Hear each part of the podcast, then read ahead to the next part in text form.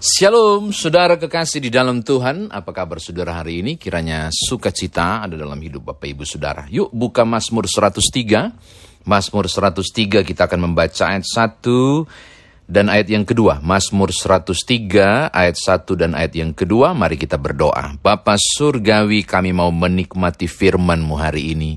Hikmat Tuhan anugerahkanlah agar kami dapat paham dan mengerti. Lalu dengan penuh sukacita karena Roh Kudus kami berlomba-lomba mengerjakan kebenaran firman yang sudah kami pahami. Demi Tuhan Yesus Juru Selamat kami berdoa. Amin. Mazmur 103 ayat 1 hingga ayat yang kedua, mari buka Alkitab saudara. Sangat baik ketika merenungkan firman Tuhan, saudara turut melihat teks ini. Mazmur 103 ayat 1 dan ayat yang kedua, ini merupakan dari Daud.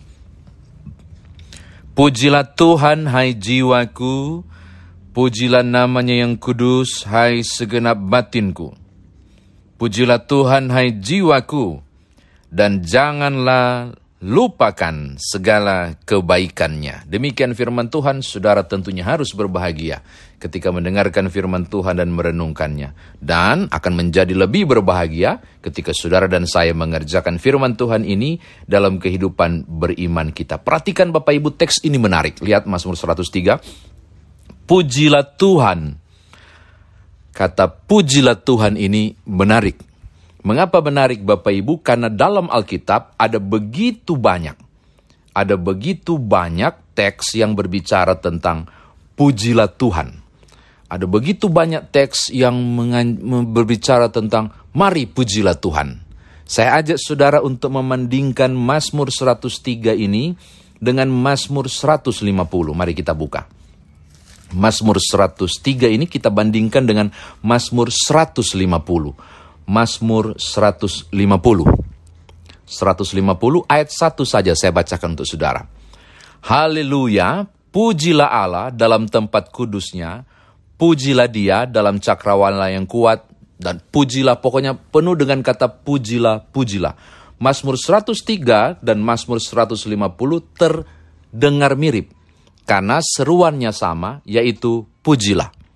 Apakah benar dua teks ini mirip atau tidak? Nah ini saya mau berbagi kepada saudara penting sekali membandingkan kata pujilah dalam Mazmur 150 dengan kata pujilah Tuhan pada Mazmur 103. Tahukah Bapak Ibu bahwa kalau saudara memiliki terjemahan King James Version KJV, eh, KJV itu King James Version itu untuk Mazmur 150 dia menggunakan kata Praise the Lord. Praise the Lord. Dia gunakan kata praise. Kalau Mazmur 103, kata pujilah, dia tidak menggunakan kata praise, tapi dia gunakan bless. Bless, memberkati. Ini menarik kan? Mari kita periksa Bapak Ibu ya. 150 itu menggunakan teks asli Halel. Halel yang berarti memang pujilah kamu. Hai kamu sekalian pujilah Halel Uya Yahweh. Pujilah kamu, pujilah Tuhan, hai kamu sekalian. Dari kata Halel. Sehingga King James menerjemahkan dengan kata praise atau pujilah. Tetapi menarik, Mazmur 103 tidak demikian. King James Version menerjemahkan dengan kata bless, memberkati. Dan saya periksa teks aslinya menarik. Dia tidak menggunakan kata halel sebagai kata pujilah, tapi dia menggunakan kata baraki, memberkati dari kata barak, berkat. Sehingga kalau mau menerjemahkan secara literal, pendekatan King James Version menarik. Harusnya diterjemahkan begini. Berkatilah Tuhan, hai jiwaku. Wow, ini ngeri ya.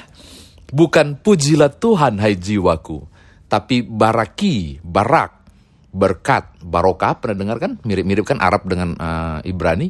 Baraki, berkatilah Tuhan. Wow. Lalu saudara pasti bertanya, siapakah kita yang bisa berkati Tuhan? Yang benar harusnya Tuhan yang berkati kita. Sebab Allah adalah sumber berkat. Saya kira ini juga alasan Lembaga Alkitab Indonesia lebih memilih istilah lebih netral, yaitu pujilah Tuhan ketimbang berkatilah Tuhan. Tapi saya mau kasih tahu Bapak Ibu Saudara. Orang Israel ketika membaca Taurat sampai sekarang, mereka ada formulasi doa baca Taurat yang tidak boleh dirubah. Doa baca Taurat itu ketika mereka mau baca Taurat, mereka harus mengucapkan kalimat yang panjang, pen, tapi ada penggalan pendek dimulai dengan begini.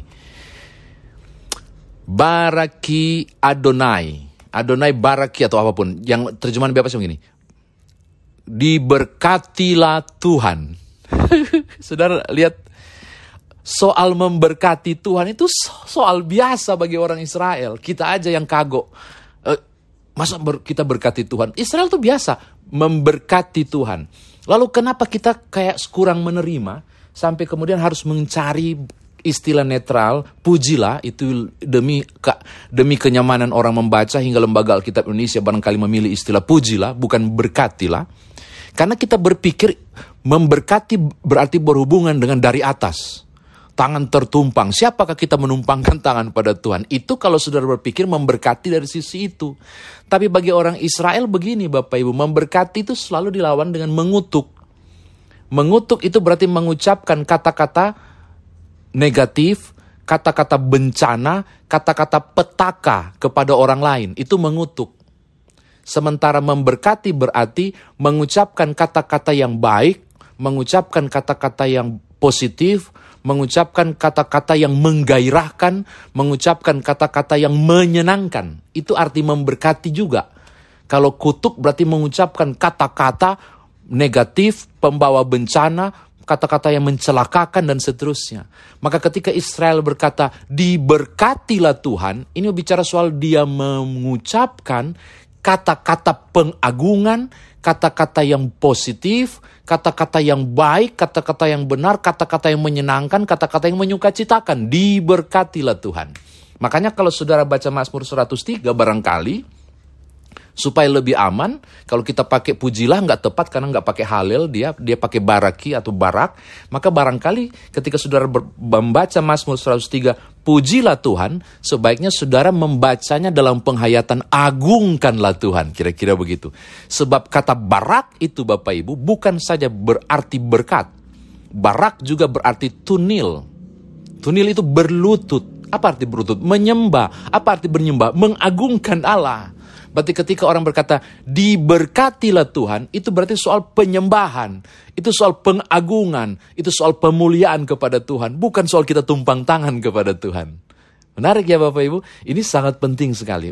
Dan saya senang ketika uh, ditemukan perbedaan penting ini.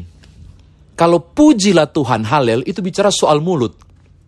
Pujilah Halel itu bicara soal nyanyian pujilah halel itu berarti bicara soal puji-pujian, uh, nyanyian-nyanyian dan seterusnya. Tetapi baraki atau barak melebihi pujian. Bisa berupa pola pikir kita memikirkan hal-hal yang mulia yang agung tentang Allah. Bisa tentang tindakan-tindakan yang pengagungan kepada Allah, nggak harus pakai mulut atau ekspresi muka yang mengagungkan Allah, apa pun yang berhubungan dengan pengagungan dan penyembahan kepada Allah tidak harus lewat mulut. Makanya baraki diberkatilah Tuhan lebih kuat daripada pujilah Tuhan. Ini menarik ya. Jadi jangan alergi mengatakan diberkatilah Tuhan. Walaupun memang susah pakai terjemahan Indonesia. Orang langsung, ah lu siapa? Jadi barangkali lebih tepat agungkanlah Tuhan, sembahkanlah, sembahlah Tuhan. Oke, ini catatan pertama saya.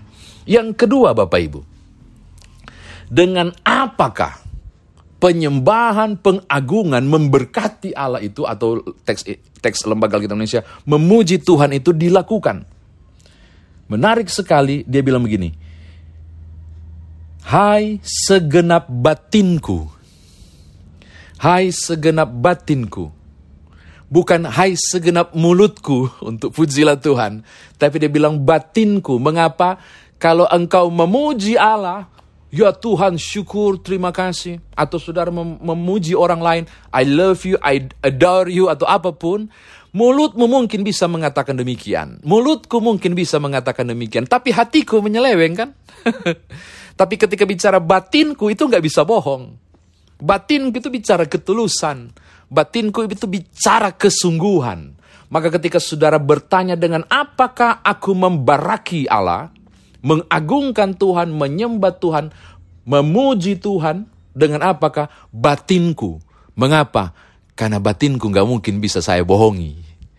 Nggak bisa. Nggak bisa. Maka pengagungan itu terjadi di dalam ketulusan. Oke? Okay? Saudara yang mengagungkan Tuhan dan menyembah Tuhan dalam konsep barak tadi itu, tuknil, tunil, berlutut itu, itu mau bicara soal ketulusan. Tidak ada maksud tersembunyi. Itu bicara soal ketulusan. Oke? Okay? Yang ketiga Bapak Ibu. Mengapa? Mengapa harus mengagungkan Tuhan, tunil, menyembah Tuhan? Mengapa pakai lembaga Alkitab Indonesia, harus memuji Tuhan. Mengapa? Ayat 2 menyebutkan hal itu.